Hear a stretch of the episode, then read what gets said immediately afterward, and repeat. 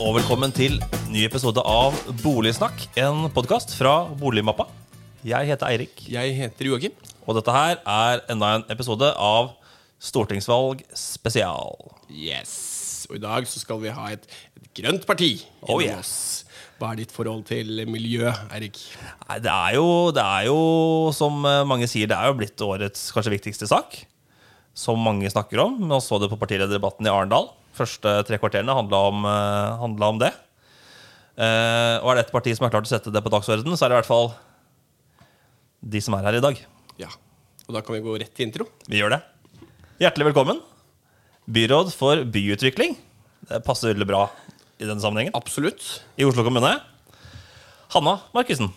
Tusen takk. Veldig hyggelig å være her. Så bra. Hvordan går eh, Det nærmer seg jo valgdagen. Hvordan er nervene?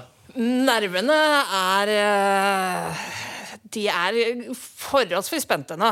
Det har jo For Miljøpartiet De Grønne så langt så ser det jo veldig veldig bra ut. Og det ser ut som vi klarer å komme oss over sperregrensa i år. Og det har jo mye å si. Å få inn en stor grønn gruppe på Stortinget blir noe helt annet enn å ha én representant.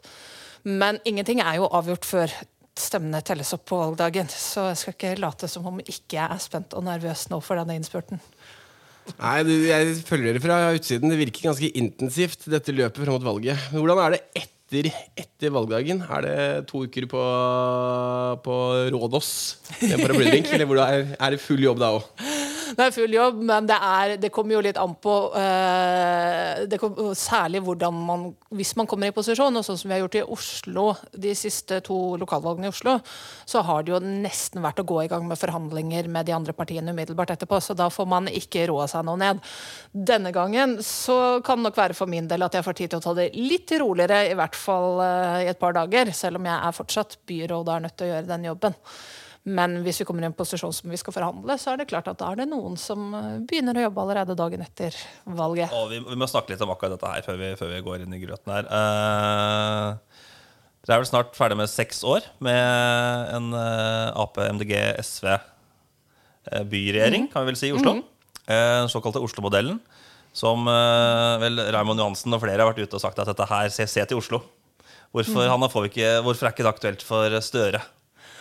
Nei, det er et uh, godt spørsmål. Altså, jeg syns jo at Arbeiderpartiet øh, nasjonalt burde se enda mer til det vi får til i Oslo, og hvordan samarbeid vi klarer å få til her. Så er det selvfølgelig noen uh, spørsmål hvor avstanden nok er lenger på nasjonalplan. Uh, det er jo ikke noe tvil om at vi med vårt klimaengasjement i MDG, så er det bl.a. at vi mener vi må slutte å lete etter mer olje på norsk sokkel. En del sånne spørsmål som Arbeiderpartiet nok syns er vanskelige. Men samtidig så, så er det jo noen saker hvor Arbeiderpartiet og Senterpartiet, og for så vidt også SV, står langt fra hverandre. Blant annet så, så er jo SV og Senterpartiet øh, vil jo ut av EØS-avtalen.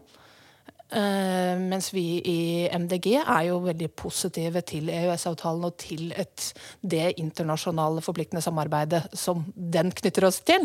Så det, jeg syns det er veldig rart at Arbeiderpartiet og Støre i så liten grad har vært villige til å se på kan det være mulig å, å også se på Oslo-modellen på et nasjonalt nivå. Så vi jo se da om man kanskje blir nødt til å tenke litt på det på nytt igjen når valgdagen kommer. For det er jo klart at uh, man, kan, man, må forholde seg til hvilken sammensetning det blir. Og har han ikke noe flertall uten oss, så er han jo også nødt til å snakke med oss. Nettopp, ikke sant Det hjelper sikkert som du er inne på at uh, det er jo denne oljesaken, og at det ikke er, uh, at det ikke er oljeplattformer utafor hovedøya i Oslofjorden. Det, hjelper jo kanskje på at uh, det er lettere i Oslo, da. Det er, det, så jeg skal ikke late som om ikke det også har vært tøffe forhandlinger med den byrådsplattformen vi har i Oslo, og det samarbeidet vi har hatt her. Og det at Oslo har nå blitt til et klimafyrtårn internasjonalt, at vi gjør ting som ordfører over hele verden har lyst til å kopiere. Men jeg opplever jo at det samarbeidet vi har fått til i Oslo, det bærer frukter. Og det tror jeg nok at begge våre samarbeidspartier i Oslo også føler veldig sterkt på. At det har vært vellykket så langt. Det kan jeg jo bare høre på hva Raymond Johansen sier. så Ja. For å begynne å nærme oss bolig, da. Du ble mor for eh, et, litt over et år siden. Livet 2.0.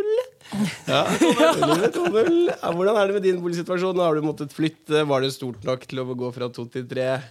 Altså, jeg flyttet faktisk uh, før uh, Før sønnen min kom til verden. Så, og det var jo behov for større plass, men jeg bor fortsatt da i Indreby. Bor i, nå på Frogner i en større leilighet der. Jeg bodde i mange år på Sørenga. Jeg trives veldig godt med det, men øh, man ser jo det at det er øh, Når man skal ha et barn, så blir det andre ting man ser etter i en bolig enn kanskje det man gjør når man ikke har barn. Litt slitsomt med den, den, den støyen. Nå Ja. høres jeg 100 år ut, men når klokka passerer 11 når du har småbarn. Ja, ja, ja. ja. den musikken drar i gang på bønns på Sørenga. Ja, ja, ja, og, og og, ja, nachspielet går ut i hagen din. Jeg merker jo det at f- Før jeg fikk barn, så er det veldig mye sånn der Ja, men når man bor i indre by, så, så må man jo leve med litt støy. Og så får man barn selv, og så blir man sånn der Nei, nå hadde han sovnet! Må dere bråke nå? Det endrer seg ganske fort. Kjenner til det. Ja, det relaterer til det. Ja. Hvordan er det med, Da har du jo kjøpt og solgt. Hvordan syns du bolig fungerer? Bolig, altså Det har jo fungert for meg, så jeg, så jeg skal jo ikke klage på personlig plan. Men det er jo klart at i Oslo så har vi et boligmarked nå som gjør det fryktelig vanskelig for veldig mange. Um, det er mange som sliter med å komme seg inn på eiemarkedet i Oslo. Og så er det mange av de som er på leiemarkedet i Oslo, som også har korte leiekontrakter, har lite forutsigbarhet. Så når man snakker boligpolitikk, så er det jo vanskelig å komme utenom at det er særlig i Oslo, til dels i en del av de andre storbyene, hvor dagens boligpolitikk har utfordringer. Kommer man til mer distriktskommuner, så er som regel ikke boligpolitikken et stort problem for de som velger å bo der. Du er jo byråd for, eh, for byutvikling i Norges største by. Har vært i seks år. Eh, har det blitt noe bedre? Kommer an på litt hva du spør. Altså, vi jobber med det, men vi ser jo det at eh, når det gjelder boligpriser, f.eks., så er jo de største virkemidlene er ting vi ikke har. Um, virkemidler på kommunenivå. Eh, men som er nasjonale virkemidler. Og det handler veldig mye om skattesystemet. Det handler om noe så kanskje teknisk som boliglånsforskriften. Det vi så for noen år tilbake siden, hvor, hvor det ble gjort en endring om at man må ha 40% egenkapital for å kjøpe bolig nummer to, mm. så roet prisene seg noe. For det, det som skjer i, Oslo, er jo at mange mange kjøper bolig som investeringsobjekt. og har eh, litt penger til overs, du er kanskje 40-50 år. Eh, det er en veldig trygg investering, men det driver jo også prisene oppover, som gjør det vanskeligere for førstegangskjøpere å få tak i sin første bolig som de skal bo i. Så en del av de virkemidlene har vi ikke i Oslo. Men vi jobber jo i Oslo for å få på plass alternative løsninger og gjenreise litt en, en sosial boligpolitikk som ikke bare handler om de vanskeligstilte, men det er jo klart at det er et arbeid som tar tid. La oss ta f.eks. boliglånsforskriften. da. Den eh, liker vi å snakke om. den her.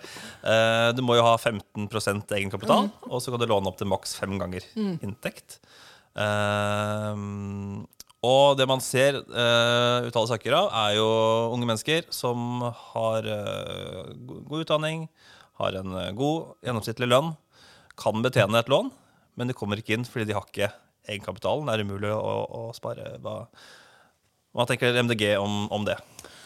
Vi tenker at det må være lettere for nettopp personer i den kategorien å kunne komme seg inn. Um, og der er det jo både så ønsker vi å bruke startlån til Husbanken mer som en hjelp. Sånn det er i dag, så er det jo, må du ha en ganske vanskelig økonomi egentlig for å kvalifisere til startlån. Eh, og det gjør jo at det stort sett er de som har en foreldrebank som kan gi dem lån til egenkapital, som klarer å komme seg inn. Så både det å kunne være mer fleksibel med hvor mye egenkapital du trenger, så fremt du har evne til å betjene et lån. Og det å kunne utvide bruken av startlån fra Husbanken til også å gjelde folk som ikke nødvendigvis har en vanskelig økonomi, men som har en økonomi som gjør at det å spare opp egenkapitalen er faktisk det som hindrer dem, til tross for at de kan betjene et lån helt greit. Så her ønsker vi å gjøre endringer nettopp for at det skal bli lettere for å komme inn første gangen på boligmarkedet. Enkelte partier tar jo til orde for å redusere eller til og med fjerne egenkapitalskravet eh, for utvalgte grupper.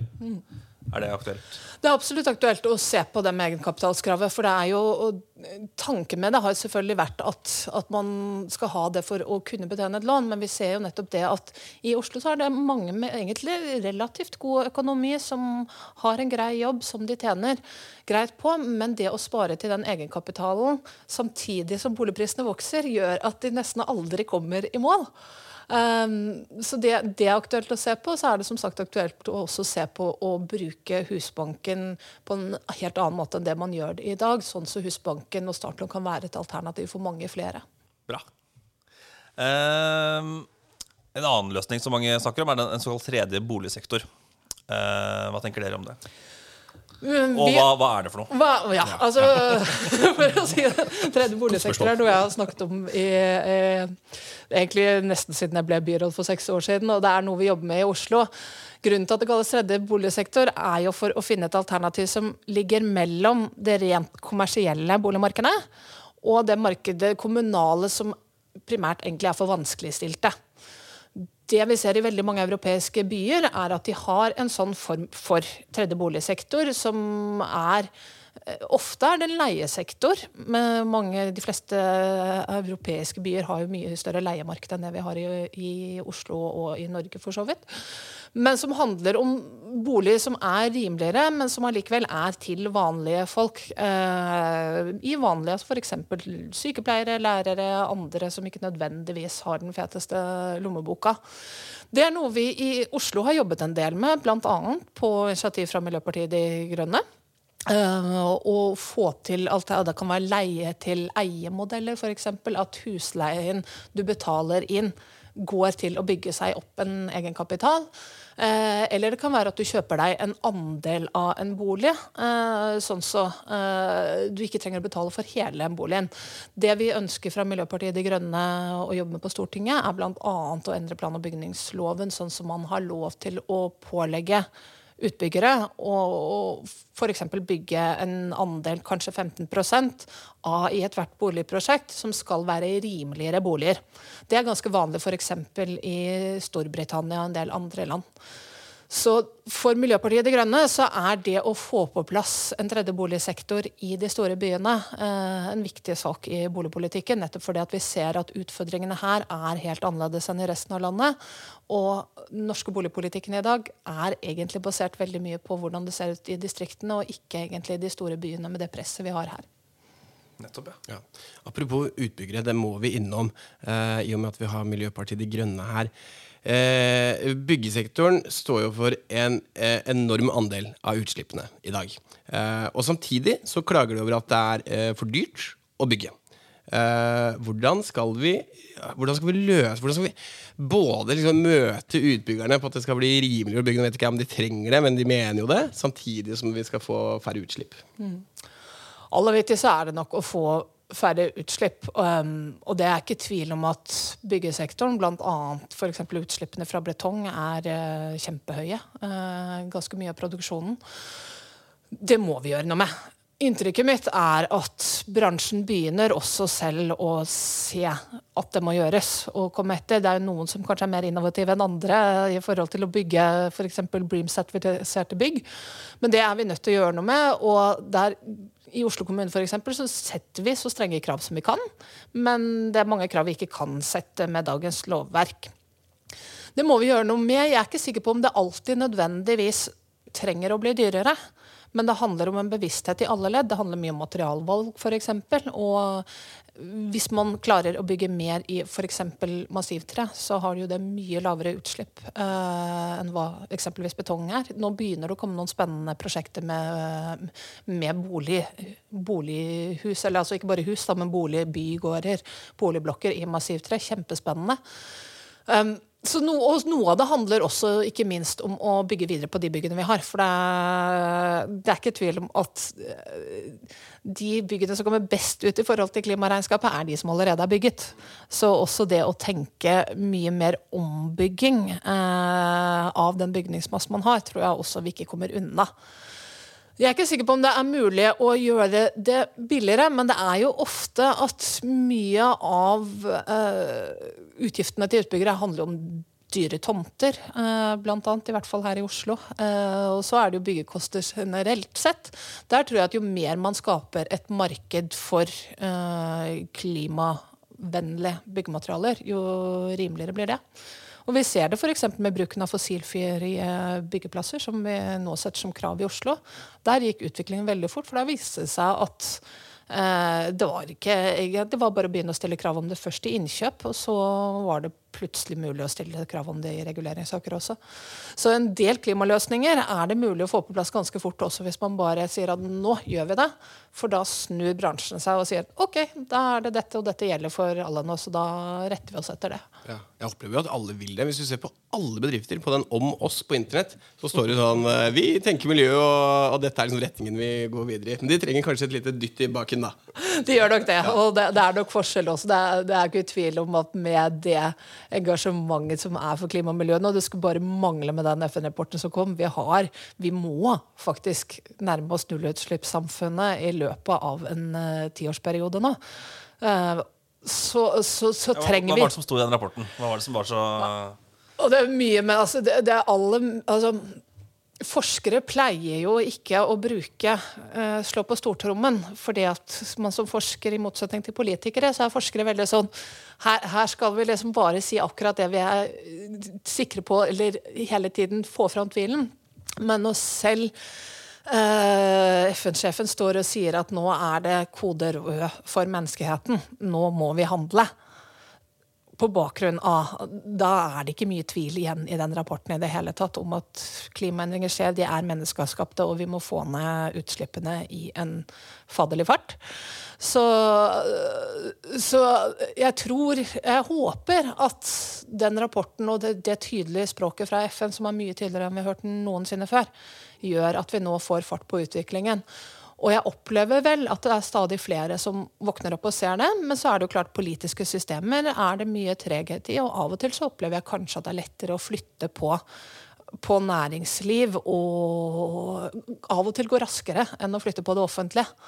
Eh, eller flytte på politikken, da. Selv om vi som Miljøpartiet De Grønne så, så, så eh, opplever vi jo også at at det er mulig å flytte politikken hvis du bare er villig til å prioritere. Og det er jo det vi har gjort i Oslo. Prioritert hardt. At her skal vi klare å få til handling.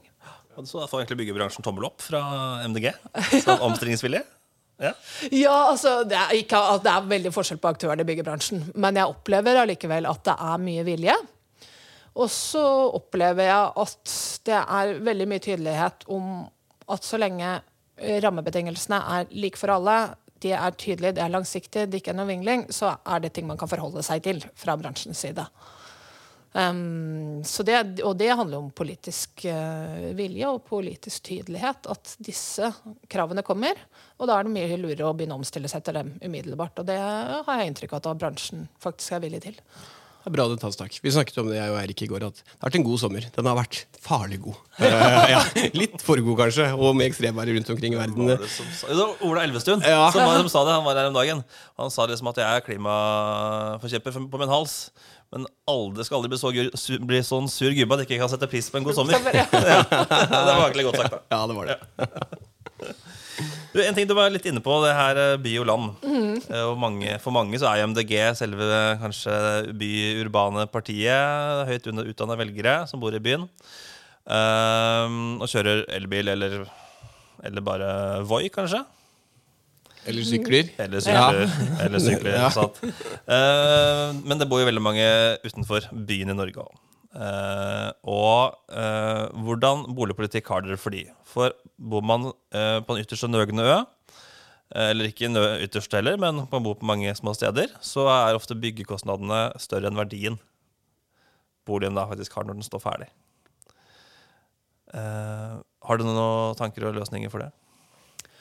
Det er en veldig annen problemstilling. og litt sånn, sånn Apropos den ytterste nøgne ø. Det er kanskje den ytterste eller ikke den mest nøgne, men jeg vokste på en øy selv, på Sørlandet.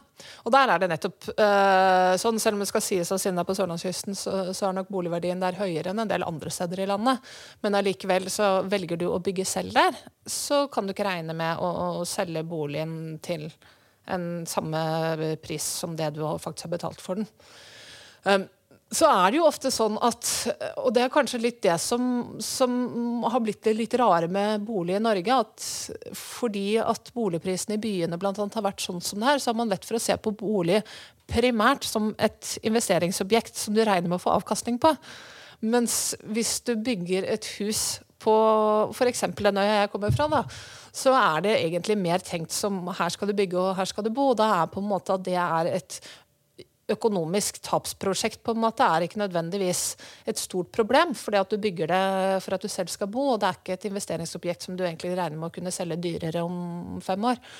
Så jeg tror nok egentlig der det handler om uh, i stor grad å, å, heller gjøre noe med det at man egentlig ser på bolig som investeringsobjekt i så stor grad som man har gjort i Norge, da, og der, i byene.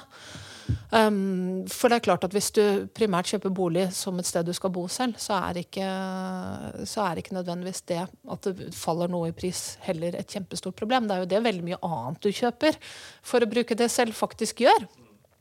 Men samtidig så er det jo også spennende der å se på hva som kan gjøres av nytenkning med tanke på, eh, på materialer eller boformer. Der ser vi jo altså f.eks. Eh, muligheten for, eh, for å bygge så man kan bo flere sammen for å motvirke ensomhet. Mange, altså vi har et samfunn hvor det faktisk er ganske mange enslige. Selvfølgelig også mest i byene, men det er ikke utelukkende i byene se på den type spennende løsninger, og ikke minst også legge bedre til rette for en trend som er veldig spennende. Vi får se, se hvordan det går med den, men som har kommet til Norge, og det er type uh, mik mikrohus.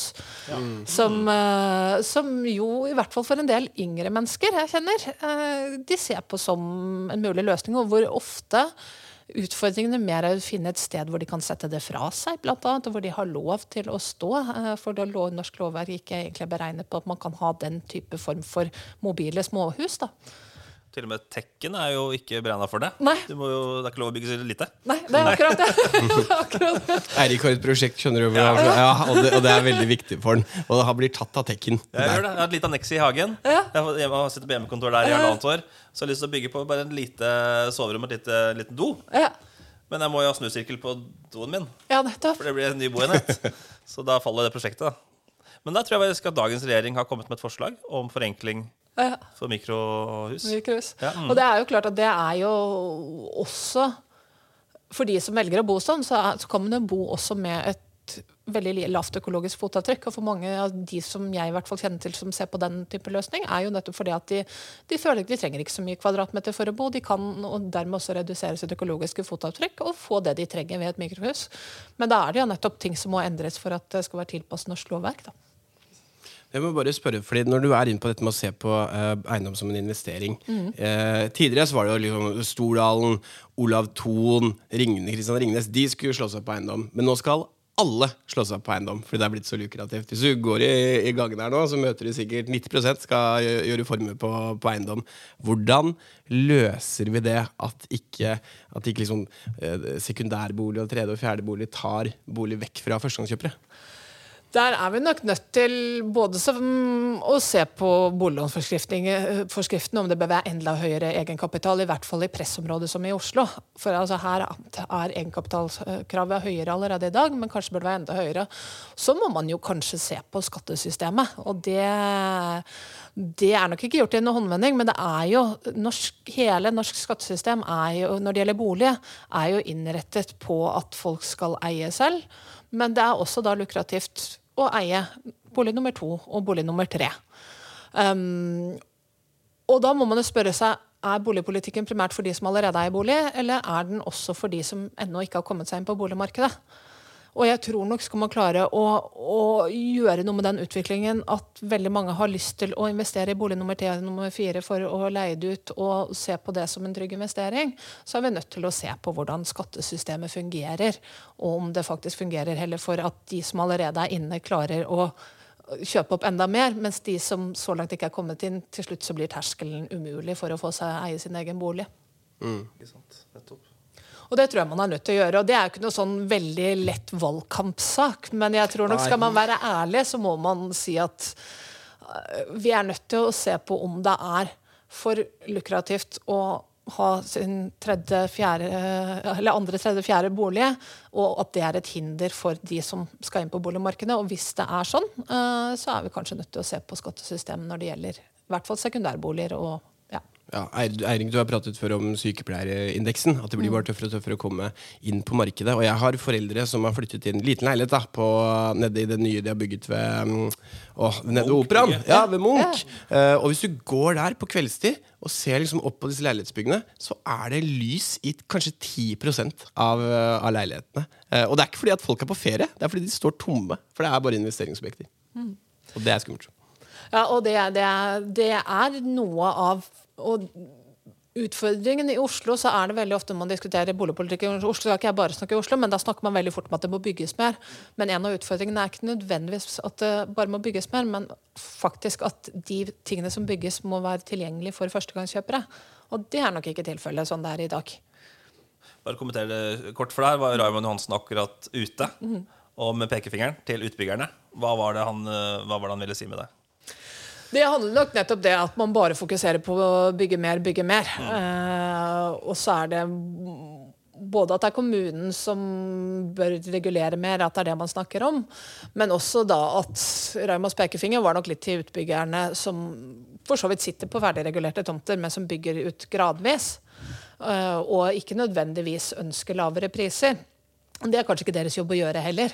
Men, eh, men det er klart at skal man få en politikk som, som bidrar til at det blir annerledes i de større byene, så, så trenger vi faktisk f.eks. å få virkemidler til å kunne pålegge utbyggere å bygge en viss andel rimeligere boliger.